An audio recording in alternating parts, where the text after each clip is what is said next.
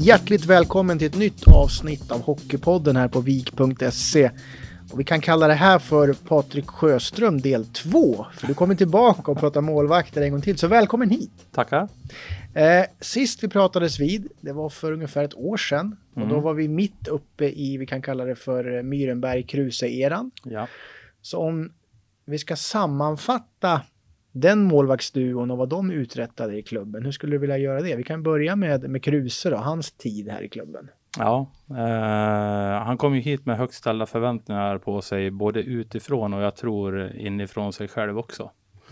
Eh, och eh, jag kände väl lite grann att det, det märktes lite grann att det påverkade i början av eh, första säsongen han gjorde här för två säsonger sedan. Eh, han fick en helt okej start, men, eh, men när Myrenberg gick in och gjorde bra matcher en gång efter annan så, så tror jag att det blev en liten stressfaktor där. Eh, till säsong två så kände jag redan från början att han var, han var lugnare, tryggare, men också mer bestämd i, i eh, vad han ville med den senaste säsongen och eh, jag tycker också att han, han fick visa vad han kan den här säsongen.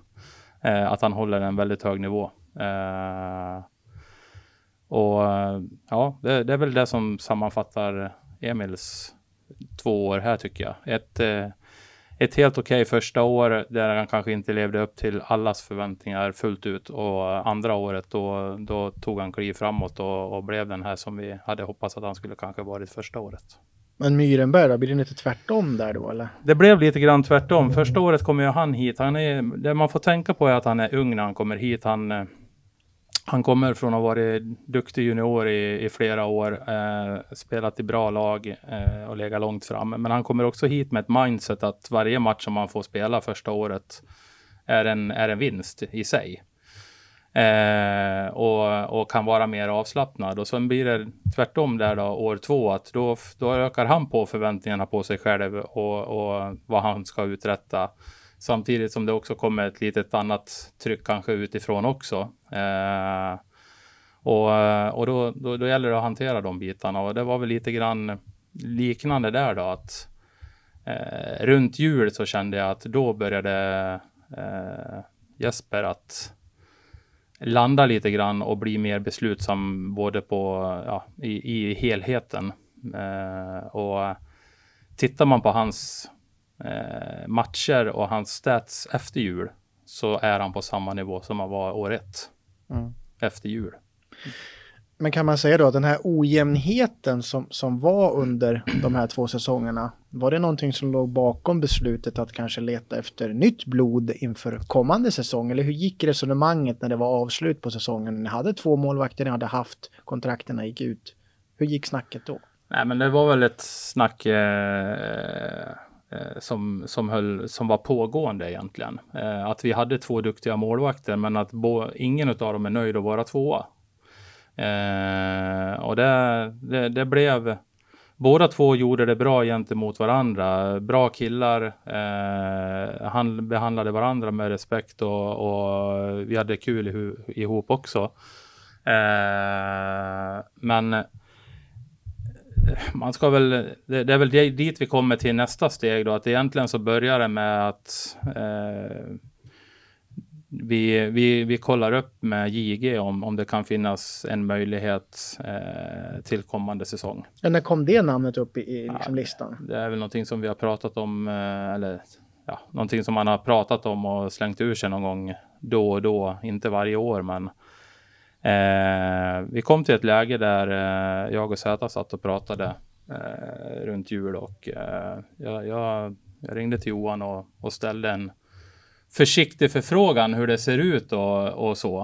Eh, och han hade ju ett kontrakt för bara det här, den här föregående säsongen då med Rögle. Där och då så var det väl inte pang bom sådär. Men eh, sen eh, hade Zät, ville Johan ha kontakter med Zäta och de hade kontakter med varandra och jag blev uppdaterad utav Zäta och sen eh, sakta men säkert så kändes det som att det kanske kan vara så att det här kan bli verklighet. Och, och, när det blev det och, och, vi då resonerar över hur har vi haft det de här två säsongerna? Hur har det sett ut tidigare då det kanske har varit tydligare att man har haft en etta och en tvåa? Mm. Eh, lite tydligare. Fransson till exempel, ja, även Henrik precis. Lundberg. Ja, eh, så då sen, sen blir det ju så att i, i JGs fall så blir det ju så mycket annat som blir vinster också. Eh, eh, länets eh, intresse. Att det inte bara blir Västerås utan det blir hela länet. Och, och det blir ju en otroligt stor grej att kunna få hit en sån som Johan. Så att eh, när det väl börjar bli verklighet på det sättet, då, då, då får man börja resonera, okej. Okay, om, om vi har chans på JG, ska vi ha kvar vem av Emil och, och, och, Jesper ska vi ha kvar? Ska vi ha kvar någon av dem? Är det rättvist mot dem? Hur tänker vi med nästa säsong? Och det var ju och, ingen av dem som ville vara tvåa heller. Nej, precis. Och, och, de är för bra för att vara tvåa. Eh, båda två. Så att eh, jag tror att det här är en, en, en lösning som, som alla vinner på i, i slutändan. Jag önskar, det har varit jättekul att jobba med både Emil och, och Jesper eh, och att fått vara en del av deras resa för, hoppas jag. Att de får med sig, har fått med sig saker härifrån också som de har nytta av. Eh, men eh, att gått in i nästa säsong med JG och någon av de två, det hade inte blivit rättvist mot någon av dem. Men hur pass mycket påverkar då den här historiken du har med JG att han kommer tillbaka också? För det är ju någon, ni har ju en väldigt långt tillbaka ett samarbete. Ja, det får du fråga Johan om hur, hur mycket jag betyder där. Men självklart så, så uh, han, han är väl en av de första målvakterna som jag jobbade med på ungdomsnivå. Han var väl kanske 10-11 år när jag åkte till Köping en gång var tredje vecka och tränade målvakter där. Mm. Eh, och sen har vi ju haft kontakt hela tiden och eh, han var här ett år tillsammans med Daniel Sperle i A-laget som, som, and, som tredje års junior faktiskt. Mm. Eh, och är där och då i, i, sin ålder en av de bästa i sin ålder där, i modern tid i, målvaktsmässigt i Sverige. Mm. Eh, så att eh, det handlar nog mer om hans familjesituation där han har en, eh, en sambo som, eh, som är ifrån Köping. Båda är ifrån Köping. De har familjen i, i, familjerna i Köping. De köpte hus för ett år sedan i Köping och, och så. Och när det då blir en verklighet så, så tror jag att eh, det är inte så ofta som det blir så, men i, i Johans fall så han kanske har, han kanske liknande romantiker som jag är. Att eh, vilja göra den här resan eh, mm. och få betyda någonting eh, på, på sikt. Att man gör någonting som sätter avtryck på mm. sikt. Det, det har varit min vision från det att jag började här en gång i tiden. Mm. Eh, att få vara med på resan.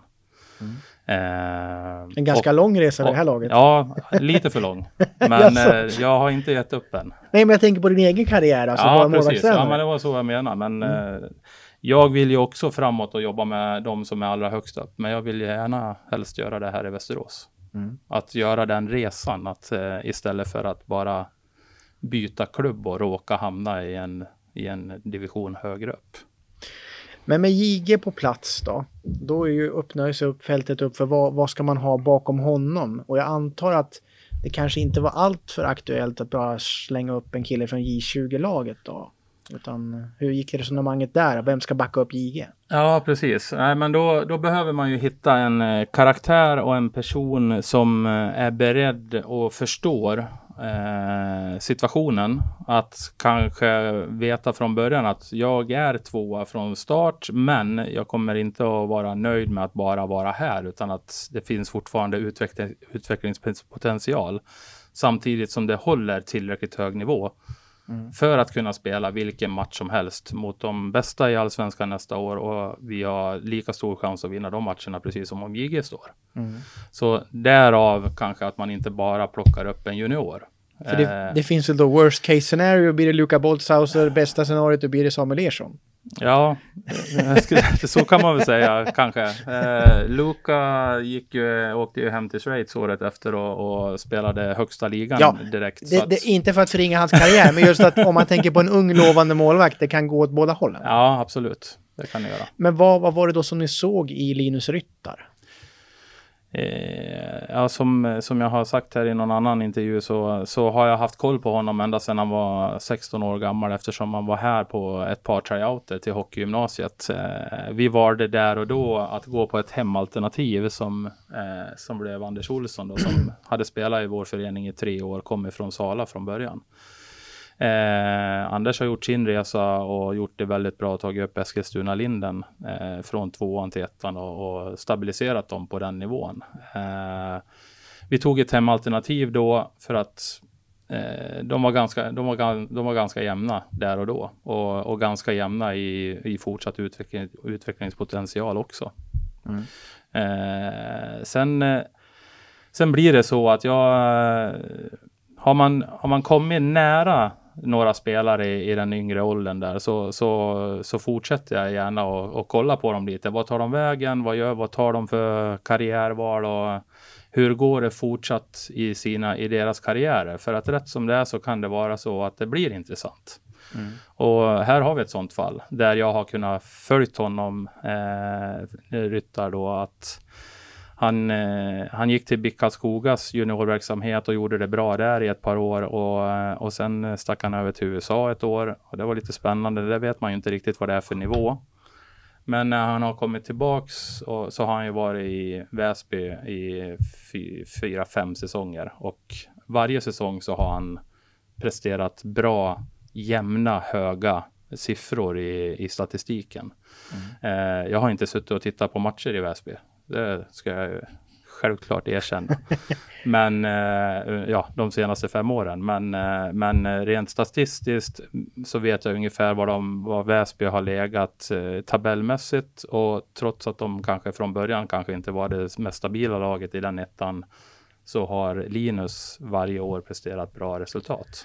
Men hur svårt är det i alla fall för en, för en, för en lekman, att, att, från mig när jag tittar på Väsby och scouta målvakter i ett lag som knappt engagerar sig att spela försvarsspel. Hur, liksom, hur, hur mycket målvakts, ja. skillnad på målvaktsspel blir ja, i ett sånt ja. lag och ett lag som kanske har lite mer disciplinerat försvarsspel? Ja, men så blir det ju. Det, det, det Linus har visat är ju att han kan klara av eh, de mest konstiga situationerna som kan uppstå väldigt ofta då i, ett, i, ett, eh, i en mindre organiserat försvarsspel. Mm. Eh, så är det ju. Eh, sen kan det bli en, en annan sak som jag själv har varit med om att det, det kan, har man bara befunnit sig i en sån nivå där, eller miljö där du, bara, där du har fått hur mycket skott som helst på dig varenda match så kan det bli ganska stor skillnad att hamna i ett lag som är väldigt organiserat och du kanske får 20-25 skott på dig vissa matcher. Men det mm. ändå då blir några riktigt, riktigt vassa lägen helt plötsligt mm. som uppstår under, under de matcherna. Ja, för det borde ju bli en viss skillnad att stå här och Absolut, jo, men så kan det vara. Men, mm. eh, men där har jag fullt förtroende och där är jag fullt eh, säker på att Linus kommer att klara av den skillnaden. Men när man också går in, som du var inne på här nu, med en, med, med en säker etta. Hur pass hur pass knasigt och krångligt blir det då om den här yngre killen visar sig vara lite hetare, lite bättre? Alltså hur, hur, hur, hur resonerar man då som målvaktstränare och även tränare i valet av målvakt? Försöker man bygga upp ettan så mycket man kan då? Eller ger man den här unga killen chansen direkt om han är piggare? Det, det blir nog eh, olika svar beroende på vilka vi pratar om varje, vil, beroende på vilka man pratar om, tror mm. jag. I det här fallet så, så, så kommer Johan att få han kommer ha alla möjligheter att se till att bli den här stabila målvakten. Mm. Eh, men Linus ska definitivt in och, och, och hota och vi förväntar oss att han eh, håller en hög nivå när han väl får chanserna. Så är det. Eh, han kommer att göra sin resa och han kommer precis som min vision är med alla målvakter jag jobbar med, att han ska bli en nivå bättre än, än eh, när han kom hit. Än, än han var när han kom hit en inflikning också, när vi pratar om det här med att göra en resa. Hur pass stolt och glad blir du då när, när Samuel Ersson tar klivet över, nu som han kommer att göra? Ja men det är ju oerhört roligt och uh, jag fick vara med en liten, in, en liten del i, i hans resa. Uh, han, eh, han, en ganska stor del ändå, för han gjorde ja. ju från J20 till landslagsdebut en säsong. Ja, absolut. Uh, sen, sen var han väl kanske där och, och, och knackade på dörren lite grann året innan och de hade ju koll på honom. Men mm. självklart så han gjorde en fantastisk säsong och han är en härlig person. Så att jag önskar honom all lycka framöver förstås. Om man pratar mer generellt då med, med utvecklingen på målvaktsspelet, vad, vad, ser du, vad är framtiden där? För många säger ju att Nej, men det blir så lite mål i hockey, det är för stora benskydd och så vidare. Så vad, vad tycker du själv? Är vi på väg mot att att behöva göra någon förändring där till mindre skydd eller ska det vara större mål eller hur, hur ser du på det från din synvinkel? Det vi, det, vi, det vi får till oss och det vi kan titta på och se själva det är ju att eh, det, det, finns ju de som har gått in och rent statistiskt kollat på blir det färre mål och där har det ju varit så att i svensk hockey under de senaste fyra fem åren så har vi pratat väldigt mycket om målskytte när det gäller tränarutbildningar både mm. på elitjuniornivå men även på, på den högsta nivån, SHL och allsvenska tränare som är med på konvent eh, som får eh, väldigt mycket input ifrån Svenska Hockeyförbundet. Väldigt skickliga och duktiga föreläsare som, som har koll på grejerna och där kan man se att det görs ju inte mindre mål utan det är ju på väg att vi målvaktstränare är ju lite, vi, vi är ju lite, vad ska man säga, Svarte Petter där. För att likväl som att vi försöker göra allt vi kan för att vi ska släppa in så få mål, mål som möjligt, så försöker vi ju hjälpa våra spelare att förstå hur man ska göra mer mål. Jag tänkte säga, du sitter ju på två stolar där. Och där har du ju en spiral som hela tiden snurrar och, och där det är en ständig kamp mellan målskyttarna och målvakterna. Så att när målvakterna för det var ju tydligt så för kanske en tio år sedan i alla fall att det blev en väldigt tydlig skillnad mot tidigare. Då när man, eh, när målvakterna fick utvecklade skydd där man kunde göra de här förflyttningarna knästående efter isen. Vilket har gjort att målvakterna har gått ifrån 89 räddningsprocent, de bästa i en serie, oavsett SHL eller allsvenskan, upp till 93 procent som vi kan se idag. Håller ju de bästa och det är ju inte bara en eller två, utan det är ju kanske 8, 9, 10 stycken i varje serie som håller så hög nivå. Och det har ju mycket med, med utrustnings och teknikutvecklingen därefter. Um, nu tappar jag frågan lite grann. Ja, men jag, jag tänkte mest på hur ser du, hur, hur ska utvecklingen gå framåt där? Ja, och där, hur ska det kunna bli mer mål? För folk vill ju se mer mål. Precis. Du vill ju se mindre ja. mål. Så det blir ju en, en ståndpunkt där. Där har det ju varit då för tio år sedan som jag sa. Att där blev det ganska tydligt att man kunde se statistiskt att det blev väldigt mycket färre mål. Och så var det i en tre, fyra år. Men sen har vi efter det kunnat sett att vi har börjat kommit tillbaks på målskytte. Att då när målvakterna har blivit skickligare så har ju till slut målskyttarna varit tvungna att bli skickligare och lagen blivit skickligare att göra, liksom skapa chanser för att göra mål. Mm. Och där har vi nu kommit tillbaks till att eh, nu känner vi väl lite grann och märker lite grann och det är det de säger på utbildningar också att nu är det nästan lite grann åt andra hållet att målskyttarna har börjat tagit över taget lite grann och att vi målvakter behöver lära oss lite andra saker. Så tittar man på det senaste JVM, JVM till exempel så en av de största bitarna där, det var att skapa kaos. Mm. Eh, att man slänger in puckar i tid och otid och både från bakom förlängda mållinjen och väldigt dåliga vinklar ute vid sargerna och bara för att skapa situationer där man då också har tydligt spelare i positioner. Blir det returer så finns de i position och kan sätta dit de puckarna. Mm. Det är en sån där sak som i den här spiralen i den här kampen mellan målskyttarna och målvakterna går fram och tillbaka. Så just nu så är det lite grann mer övervikt för målskyttet, känner vi. Men är det det som är lösningen då, enligt det, att, man ska, att det ska vara skymningar, styrningar och kaos? Det är då det blir mål på målvakterna. Det är inte så att de kan göra mål om man kommer i friläge och så vidare. Det är inte det man gör jo, jo, absolut. Självklart gör man det, men eh, försvarsspelet är den största skillnaden, mm. hävdar jag.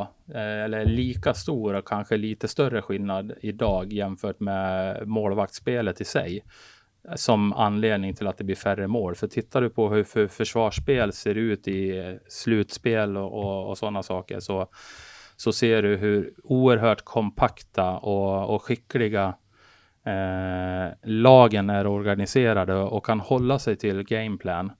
och, och, och verkligen göra det svårt för motståndarna att överhuvudtaget skapa chanser.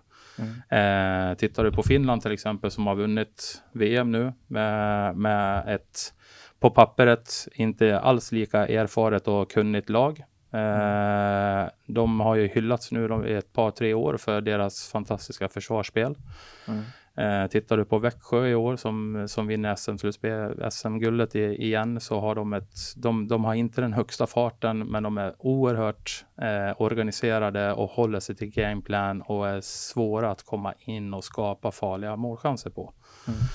Eh, sen gäller det att ha den här extra skickligheten, att du, du har en, en skytt som kan suga på pucken lite mer och se till så att leverera iväg skottet när målvakten precis blir skymd och där det kanske till och med finns en, en taktik bakom skymningen som vår spelare genomför ibland. Eller mm. så har man en skicklig skytt som kan använda motståndarna som skymmare på målvakterna. Eh, Pannanen var inne på att det här, med, det här old school-sättet i powerplay och så vidare med att ha en Holmström-figur framför mål, det har lite försvunnit lite grann. Utan nu är det mer att förflyttningen av pucken som är avgörande i powerplay. Att det blir långa pass genom, genom boxen och så vidare. Ja, det, det är lite grann det också beroende på att man har blivit skickligare på att hjälpa målvakterna även i de lägena. Att bara, på, bara prickskjuta. Eh, så att och där har du en sån sak att målvakterna har också blivit skickligare på att bara Trots att skytten får mycket tid och, och mycket yta så, så, är det svårt att göra mål på, på målvakterna. Men eh, det, det, går mer till att man behöver en eller två snabba passningar i, i sidled och direktskott. Så antingen går pucken in i mål direkt eller så blir det retursituation och då, då, då är det jätteviktigt att man vet att de här positionerna, de ska vara täckta för att blir det retur, då är det där returerna kommer hamna. Då måste vi ha folk där så att man inte bara skjuter och så blir det returer som försvinner ut i tomma intet. Det var ju mycket snack om powerplay förra året, men en annan fråga som kanske kommer lite i skymundan som jag inte vet riktigt vem det är som bär ansvaret för. Vem är ansvarig för straffsituationerna i laget? Är det något gemensamt beslut mellan skyttarna som med, coacherna och så har du ansvar för målvakterna på straffarna? Eller hur, hur jobbar ni där med straffar? Där, där sitter jag på andra sidan och, och filmar matchen så att jag har ingen aning. Nej, men, hur, men det, hur, det är tränarna tillsammans, det är tränarna som bestämmer det. Men hur pass mycket scouting lägger ni ner på scouting av målvakterna? Där ska vi sätta pucken alternativt scoutningen liksom själva, vilka skyttar som kommer och så vidare. Ja, under, serie, under serien så, har det, så brukar det kanske inte vara så mycket sånt. Och det, det, har lite grann att göra med också vad vi har för spelare, om de är mottagliga och kan ta in sån feedback också. Mm. Eh, du menar Men, så pass nära inpå att okej, okay, ja, nu är det han som står, lägg den där och så vidare? Absolut, att de är vana med det. Men eh, självklart så Eh, det kan vara någon som kommer upp och smyger upp till mig och, och frågar om något tips här och där också. Men eh, ansvaret är, det ligger på tränarna att välja ut skyttarna. Sen eh, tar vi oss till slutspel och sådana saker, då kanske man tittar lite mer på eh, motståndarna om det skulle bli straff. Det, det blir det ju inga straffar längre, utan det blir ju, det blir ju bara overtime. Mm. Eh, jag tänker det är många poäng som, som man kan vinna under säsongen. I grundserien, absolut. Eh, nu har ju ni haft så bra eh, poängstatistik i sadden så ni Precis. har aldrig behövt komma Nej, dit. Nej, exakt. Så men, det har varit rätt lätt på det, på det sättet. Men utan att ha siffrorna exakt i huvudet så känns det ju som att historiskt har väl straffskyttet bara varit Viks melodi när Tony Romano var i klubben. Men annars har det varit lite sisådär. Ja, det, jag har varit med många år jag också. Jag säger inget mer. Nej, men det, det, måste väl ligga någonting i det. Att, att och det, då är det ju inte bara målskyttet i sig, utan även målvaktsspelet har ju haft lite, ja. lite problem där ja. också. Men, men vad, vad, tycker du är själva nyckeln i just det här med straffmomenten för dig? Är det liksom att ha en plan från början eller att ha många varianter? Eller vad, vad tycker ja, du? Men att, ha en, att ha en grundplan, det innebär att man har en grund som ger dig själv två eller tre avslutsmöjligheter beroende på hur det ser ut när du väl börjar närma dig. Eh, och, och, där finns det definitivt saker att utveckla hos spelare. Eh, anser jag. Eh, För ibland ser det en... ut som att man bara åker och så, fy fan vad jobbigt, och så lägger med. man den i magen. Absolut. Och så åker man och byter. Ja, skönt, nu behöver inte jag göra något mer. Det håller jag med om. Mm. men, men, hur kommer man bort från det då? Är det nästan att ha straffskola på sommaren och verkligen jobba med det? Eller hur, hur ja, men det är också en sån sak som man eh, ska jobba lite eh, ska jobba med över säsong, över längre tid och kanske inte behöver liksom att, att göra en straffturnering eh, i en timme en gång, det ger ju inte så mycket. Men att liksom eh, jobba med de bitarna eh, en eller ett par gånger i veckan med några utvalda skyttar, det är definitivt en, eh, en tanke och en, eh, en strategi för att kunna bli ännu skickligare i, det, i, i den situationen också. Avslutningsvis då, kommer du att ha ändrat din uppfattning om Viks bästa målvakt genom historien under din, under din karriär till JG efter den här säsongen tror du? För du hade ju Lasse där, kommer du att ändra dig efter den här säsongen? Ja, det var ju du som tvingade mig ja, att göra ett någon, val där. man måste välja. Och då gjorde jag valet utifrån att Lasse han tog sig till Tre Kronor till slut. ja, ja. Just där och då så hade han gjort det. Uh, jag hoppas att jag kan ändra det efter den här säsongen definitivt.